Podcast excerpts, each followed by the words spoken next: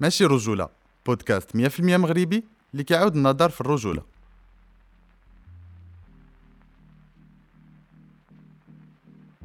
Moi, je trouve que le foot, c'est une super métaphore de la vie. Et, euh, et finalement, le stade raconte aussi les espaces publics au Maroc.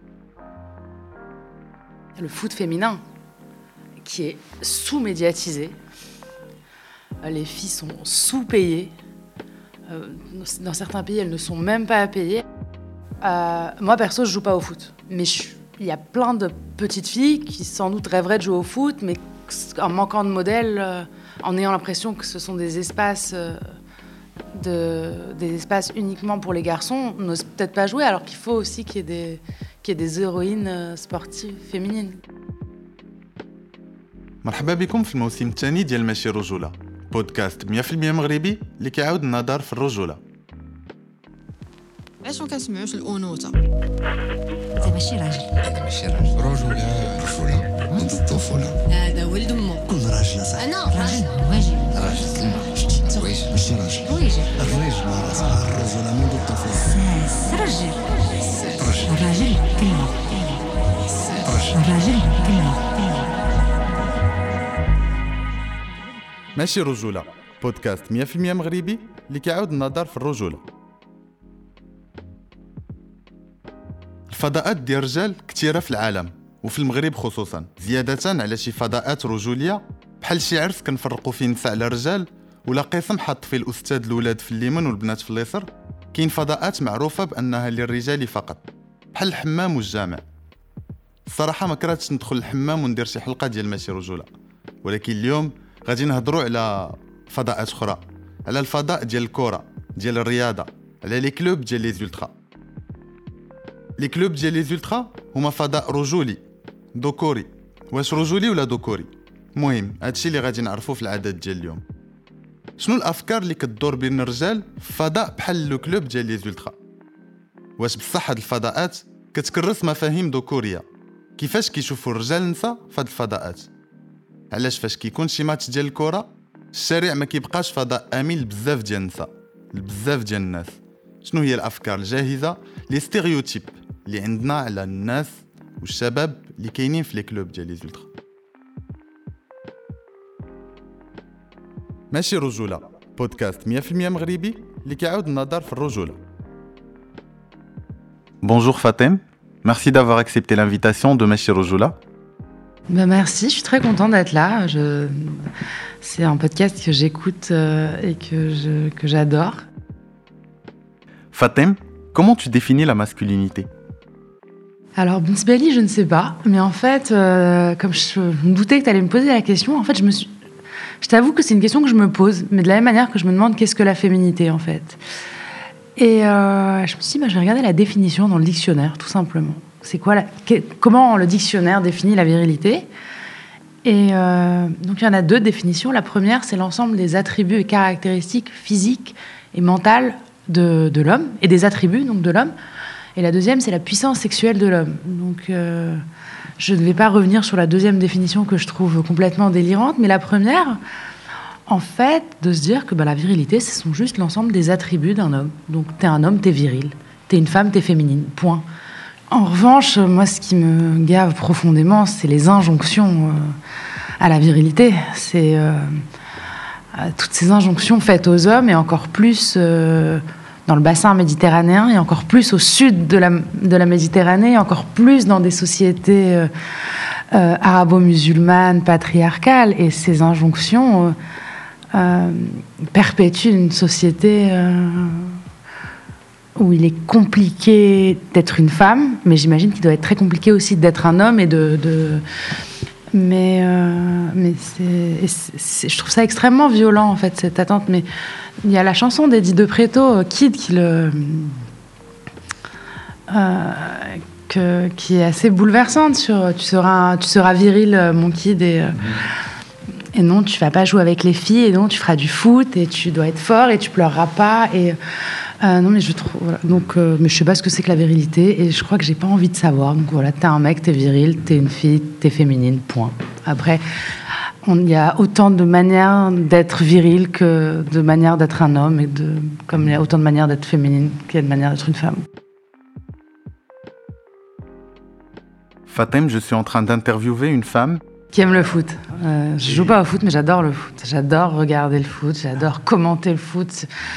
Je- J'adore euh, les excitations avant, d'avant-match. J'aime l'état dans lequel les victoires de, des équipes que je supporte peuvent me mettre. Euh, c'est- euphorique. euh, ça met- ça pro- J'aime ces joies collectives. euh, donc ouais, j'adore le foot.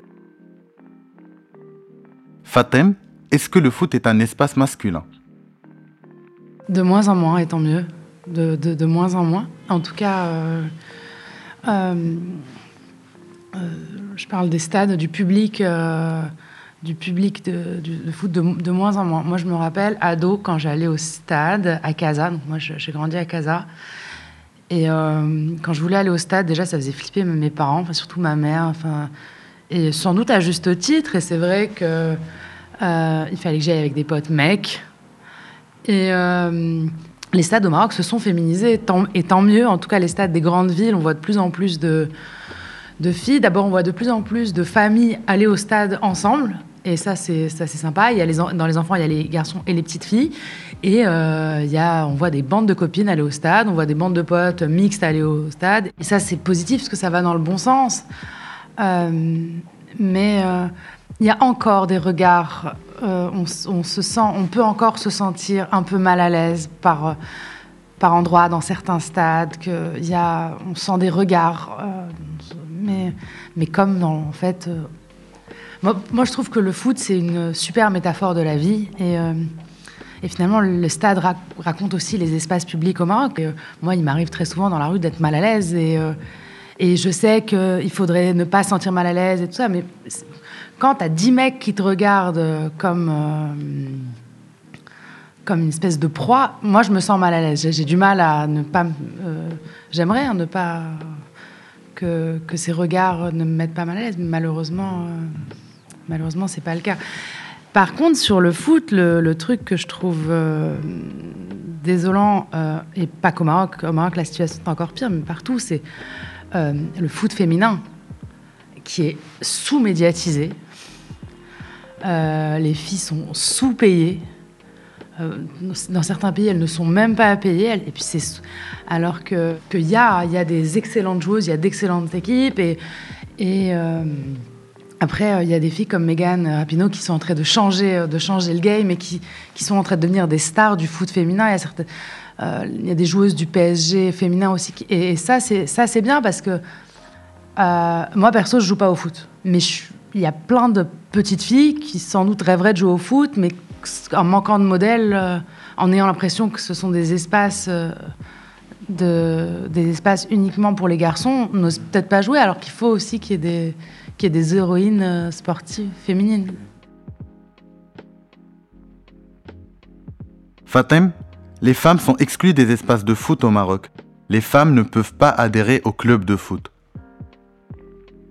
Moi, j'ai halluciné aussi. Euh, il y a quelques années, j'ai monté un spectacle autour du foot, enfin, où le foot avait, euh, avait une place importante, et j'ai découvert ça, que les femmes étaient interdites, euh, elles ne pouvaient pas s'inscrire aux ultras. Donc, ça me fait totalement halluciner, d'autant plus que moi, à cette occasion-là, j'avais rencontré une section féminine de supportrices du Raja, qui étaient ultra, elles étaient ultra actives, elles étaient... mais tu peux pas devenir ultra. Donc c'est une aberration, mais euh, j'arrive pas, à, euh, j'arrive pas à savoir quoi, pourquoi. Enfin, je, je ne comprends pas la logique derrière ça. Après, le, le truc que je trouve euh, pas mal, en tout cas dans, dans les grandes villes au Maroc, je sais pas comment ça se passe dans dans les plus petites villes et dans le rural, mais dans les grandes villes, il y a de plus en plus de, de terrains de sport et d'amé- d'aménagements sportifs publics, donc qui sont gratuits et ouverts à tous. Et euh, à Casa, à Rabat et à Tanger, euh, j'ai vu, et ça j'étais assez contente, filles et garçons jouer ensemble au foot. Moi, en tout cas, quand, quand j'ai grandi, enfant et ado, j'ai jamais vu de filles jouer euh, au foot sur les plages au Maroc ou dans les rues au Maroc. Fatem, quelle est la remarque la plus sexiste qu'on t'a jamais faite en tant qu'amatrice de foot? Un mec, un jour au stade, un mec que je connaissais pas, euh, dans un stade, qui se retourne vers moi, qui me dit euh, Euh, C'était un hors-jeu, tu veux que je t'explique bah, En fait, c'est pas drôle. Et, et donc, il y a, il y a cette ah, il y a ça. Ensuite, comme remarque sexiste, des remarques un peu lourdes, un peu lourdotes, genre des, des soirs de Ligue des Champions, ou ce- enfin un truc. Ouais, ben désolé, ce soir ça va être soirée entre mecs euh, parce que c'est foot maintenant en fait. euh. Ou genre, euh, ouais, d'espèces de hagra, euh, tu peux pas comprendre. Ben, c'est pas, c'est pas une secte, c'est pas une secte pour les garçons le foot.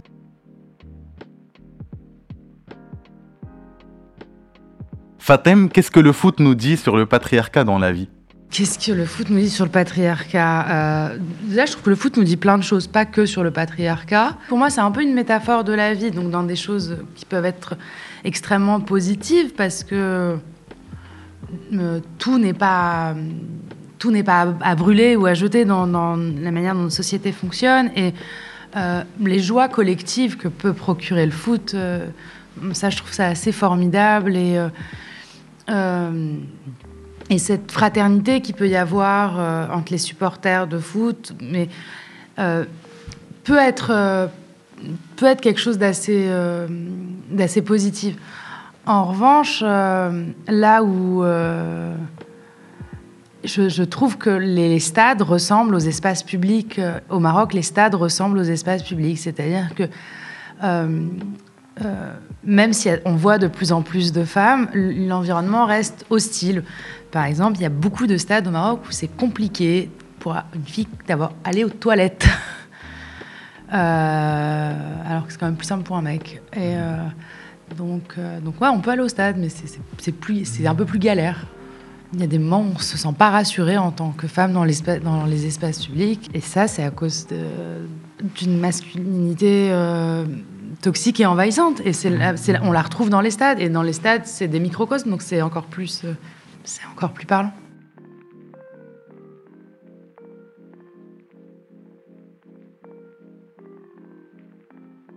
Fatem, par exemple, à Casablanca, quand il y a un match de foot, les femmes ne peuvent pas marcher dans la rue. Ça pourrait paraître surréaliste, mais moi j'ai cette image de Casablanca quand il y a un match de foot. Ça, c'est fou et c'est. Et c'est. Moi, j'ai habité pendant, pendant quelques temps euh, en face du, stade à Casa.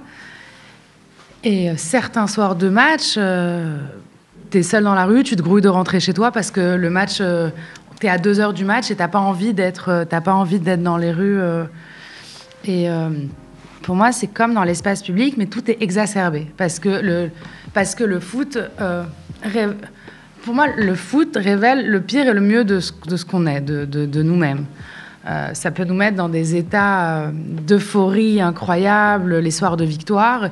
On peut être triste, déçu, en colère.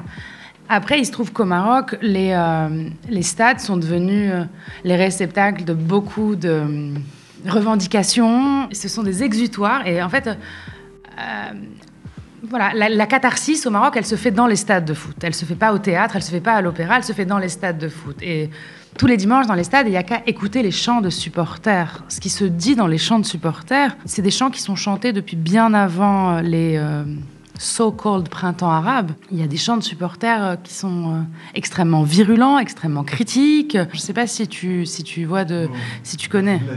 Bladi Delmouné, entre autres, mais il y a des, il y a des chants des, des clubs de foot de l'Hosema, de, de SFI aussi. Et les paroles sont extrêmement violentes et elles sont scandées tous les dimanches. C'est le seul, c'est le seul espace où ces paroles-là sont acceptées.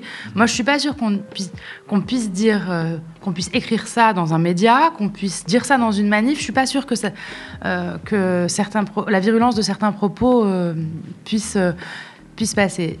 Du coup, forcément, les, attentes, ce, qui est mis comme émotion, comme attente, comme frustration aussi, c'est un peu hors norme. On va pas juste au stade.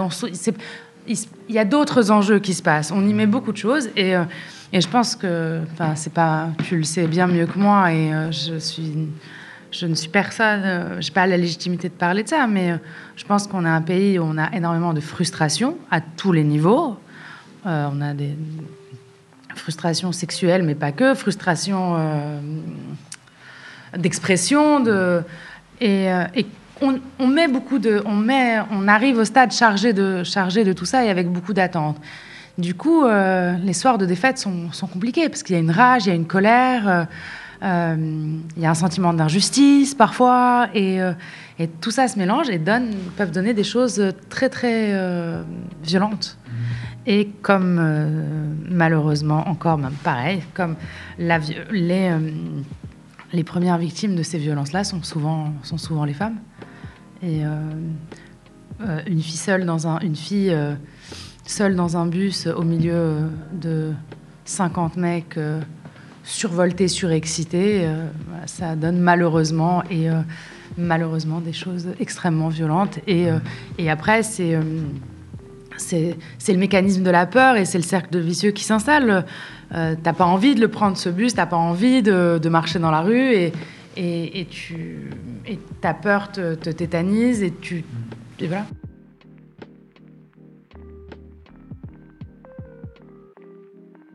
Fatem, les supporters, pour s'entre-attaquer, s'attaquent aux femmes.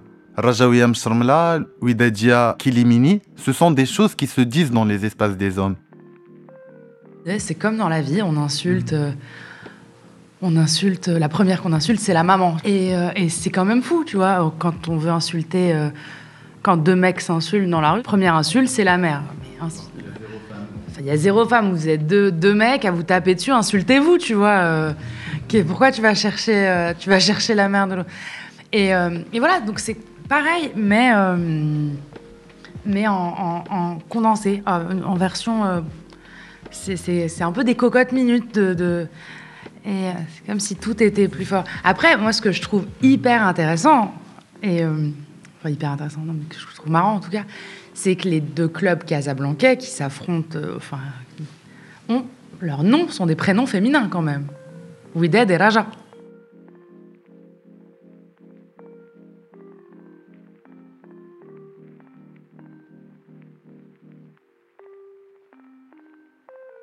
Fatem, y a-t-il une possibilité de démasculiniser ces espaces, les rendre plus inclusifs pour les femmes, mais aussi pour d'autres hommes qui ne répondent pas à certaines normes de la masculinité? Mais il faut, il faut, et je, pense que euh, malheureusement, je ne, je ne suis pas sûre que ce soit ces espaces qui s'ouvrent, qui deviennent inclusifs, mais c'est à nous, c'est à nous d'y aller, de les prendre ces espaces. Euh, c'est quand même fou de voir l'omerta qui a encore euh, aujourd'hui, au XXIe siècle, sur, euh, sur l'homosexualité dans le foot, où c'est- encore un sujet tabou euh, partout. Et euh, ah non, mais au Maroc, c'est un non-sujet. Pardon, de quoi tu vas? Non, non, au Maroc, c'est abso- c'est ab- c'est absolument un non-sujet, mais c'est c'est quand même dingue d'en être encore là. Euh, pour revenir à elle, à Megan Rapinoe, la footballeuse américaine, euh, qui, euh, en plus d'être une joueuse extraordinaire, est une activiste, est une... euh, et je trouve que c'est une super leader politique. Et c'est super parce que je trouve qu'elle fait, qu'elle fait beaucoup de bien au foot, elle fait beaucoup de bien à plein d'autres choses. Elle fait du bien à la mode aussi parce que elle est égérie de, plein de, grandes, de plusieurs maisons de couture. Et je trouve ça super que, euh, que des sportifs de haut niveau soient starifiés, des femmes sportives de haut niveau soient starifiées. Et le foot a, permis ça, euh, permet ça, mine de rien.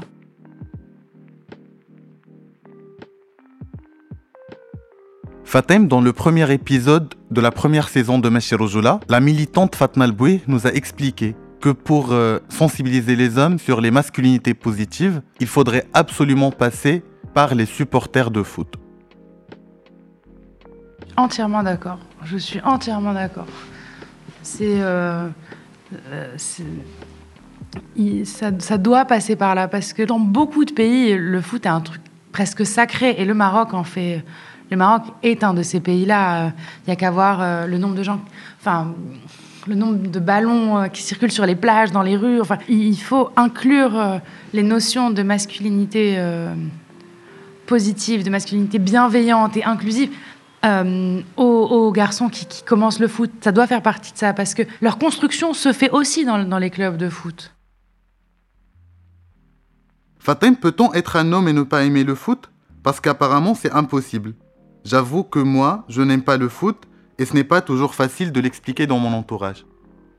Pour moi, c'est juste un miroir grossissant de, de ce qu'est la- de ce qu'est notre société, au final. Ça fait partie de, de la, du pack, du, du pack viril. Et, euh, et forcément, euh, du coup, quand, quand tu te retrouves en tant qu'homme euh, puissant de ta virilité et sûr de ta virilité dans l'enceinte de ça, eh ben, tu te sens surpuissant. Parce que tu es dans le lieu même, dans, dans le sanctuaire de la virilité. Parce que toi, depuis gamin, on t'explique ben, tu ne dois pas pleurer, euh, euh, tu dois être fort et tu dois aimer le foot. Alors, forcément, quand tu es dans l'enceinte du sanctuaire footballistique, tu, tu es au summum de ta virilité. Tu, ne, tu, es, euh, tu es surpuissant.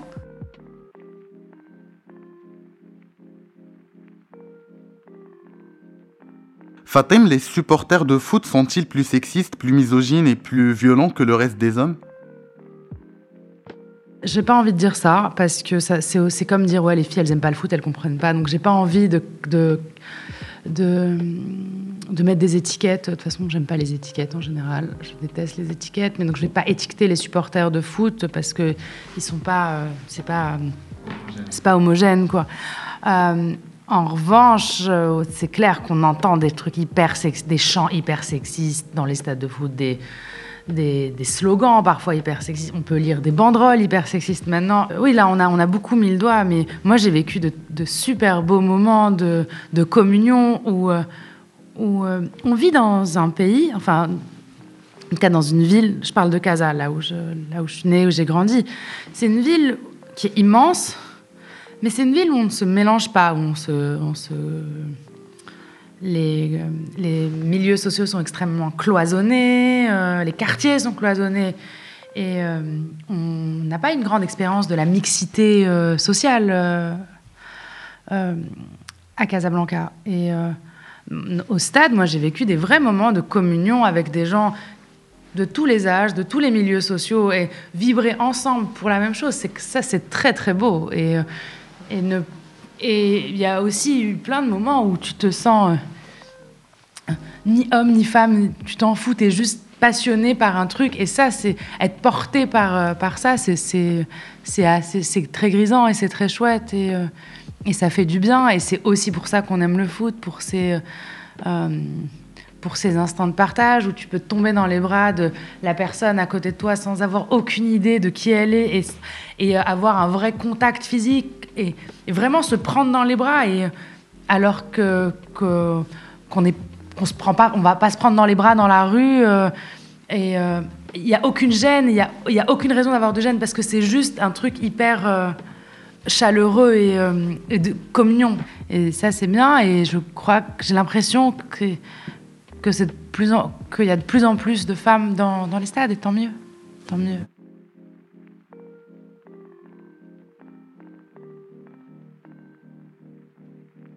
Fatim, ça fait quoi d'être une femme dans un stade de foot? Là, je t'avoue que ça fait quelques temps que j'ai pas été au stade au Maroc, euh, très honnêtement. Donc, euh, moi, quand j'ai commencé, enfin, les premières fois où j'ai été au stade, donc euh, il y a longtemps, il y a milieu des années 90, quoi, fin des années 90 peut-être. Et ouais, tu, enfin, moi, je sais que les, les premières fois où j'ai été au stade, j'étais qu'avec des potes garçons, et il y avait quelque chose d'a- d'assez. euh, J'étais contente de voir d'autres femmes, d'autres filles autour. J'étais, moi en tout cas, j'étais. Mais euh, mais c'est mais c'est marrant, ça fait partie des a priori. Enfin, je trouve ça fou en 2021. que Les a priori continuent de perdurent par rapport à ça euh, dans le foot. Mais il n'y a pas que le foot, par exemple. Là, il se trouve que le hasard du calendrier fait que je viens de terminer euh, il y a quelques semaines j'ai fait un rallye automobile. Et j'ai, participé au rallye Aïcha des Gazelles, qui est un rallye euh, 100% féminin. Et alors, le, nombre d'a priori sur les femmes dans le milieu de la voiture, ça, c'est quand même fou, quoi. C'est délirant. On a plein de choses à déconstruire ensemble sur les injonctions euh, euh, faites aux hommes et sur euh, ce qu'ils pensent de la virilité, mais je pense qu'on a surtout plein de choses à construire ensemble et, euh, pas les uns contre les autres, mais je pense qu'il faut qu'on fasse des choses ensemble. Et, et ça serait formidable si on, si on arrivait à, à se séparer tous ensemble de toutes les injonctions qu'on nous fait. Parce que vraiment, toutes les injonctions faites aux femmes me gavent, mais toutes, même celles aux allures un peu féministes et tout ça. Moi, les, à, vouloir euh, dicter aux femmes euh, euh, comment elles doivent s'habiller, se tenir, se coiffer, ne pas se coiffer, se couvrir la tête, se la découvrir. vouloir légiférer sur la longueur de nos jupes ou mettre ou légiférer sur ce qui se passe dans nos culottes dans un sens comme dans l'autre hein, même ce que- qu'on m'interdise de faire quelque chose qu'on me dise non c'est ça ce qui est bien à faire en fait. Mais euh, mais en revanche je pense que ça ne doit pas être une guerre c'est pas quelque chose qui doit c'est pas un combat c'est pas les hommes contre les femmes mais je pense qu'il faut qu'on essaie de de, construire ensemble une société euh, plus juste et surtout plus inclusive et où on puisse être euh, homme ou femme de la manière qu'on a envie- ou autre homme, femme ou autre, euh, mais de la manière dont on, se sent et pas dans la manière dont on nous dicte ou dans la manière dont il faudrait être. Voilà. Si, j'ai envie de vivre ma féminité de ma manière et, que mon voisin ou mon frère ou mon mec a envie de vivre sa virilité à sa manière. Parce que comme je je te disais, pour moi, euh, j'estime qu'à partir du moment où tu es un homme, tu es viril, à partir du moment où tu es une femme, tu es féminine. Il n'y a pas de... Ça, devrait être aussi simple, que c'est factuel, c'est pas... De, la même manière que mes cheveux sont bruns, euh, je mesure 1m71 et je suis une femme. C'est pas, c'est pas négociable. T'as pas tu as pas, hum, tu as pas à me trouver plus ou moins féminine et je n'ai pas à te trouver plus ou moins virile. Mais euh, donc juste essayons de. Mais finalement, ce, travers-là est un, on le retrouve aussi. euh, tu sais, euh, euh, on, adore donner des, certificats de virilité et de féminité comme on adore donner des certificats de marocanité ou, d'islam.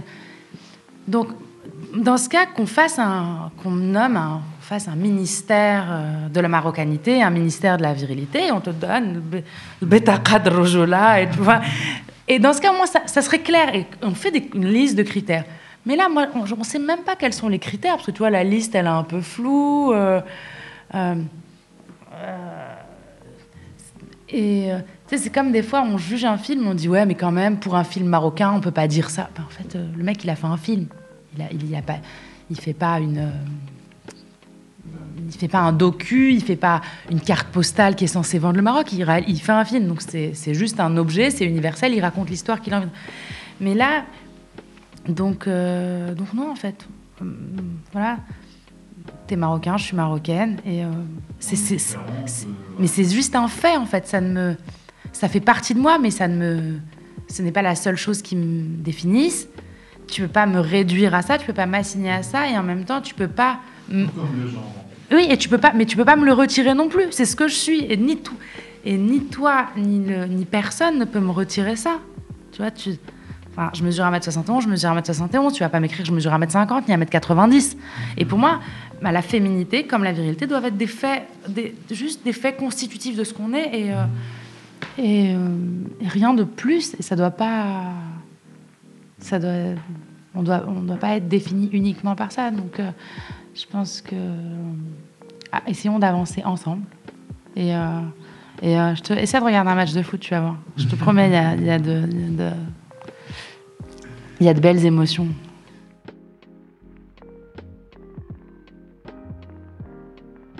Fatem, comment tu imagines les hommes dans l'avenir? Comment je les imagine Euh, Je les ai, je sais pas, je sais pas comment je les imagine, mais euh, je les espère euh, libérés de ces carcans que la société leur impose et, et dans lesquels ils restent enfermés, euh, malgré eux ou pas. Mais euh, je les espère euh, libérés de ces carcans-là.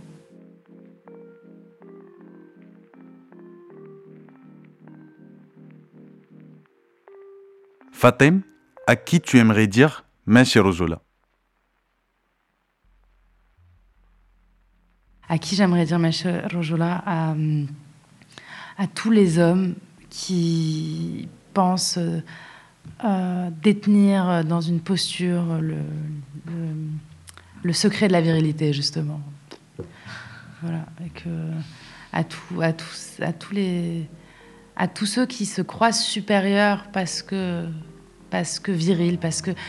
En fait, j'aimerais dire, pour moi, Mesh Rojola, c'est vraiment le sentiment de puissance euh, et de une espèce de- d'assurance de, la virilité. Voilà, pour moi, ça, c'est euh, Rojola. في الأخر ديال العدد نبغي نذكر بحال ديما باللي ما كاينش رجولة. ولكن رجولات باللي الرجولة هي نوع اجتماعي. بحالها بحال الأنوثة. باللي المسؤولية والشجاعة ما كديرش رجال ولكن كدير الإنسان. كان معكم سفيان بالرجولة.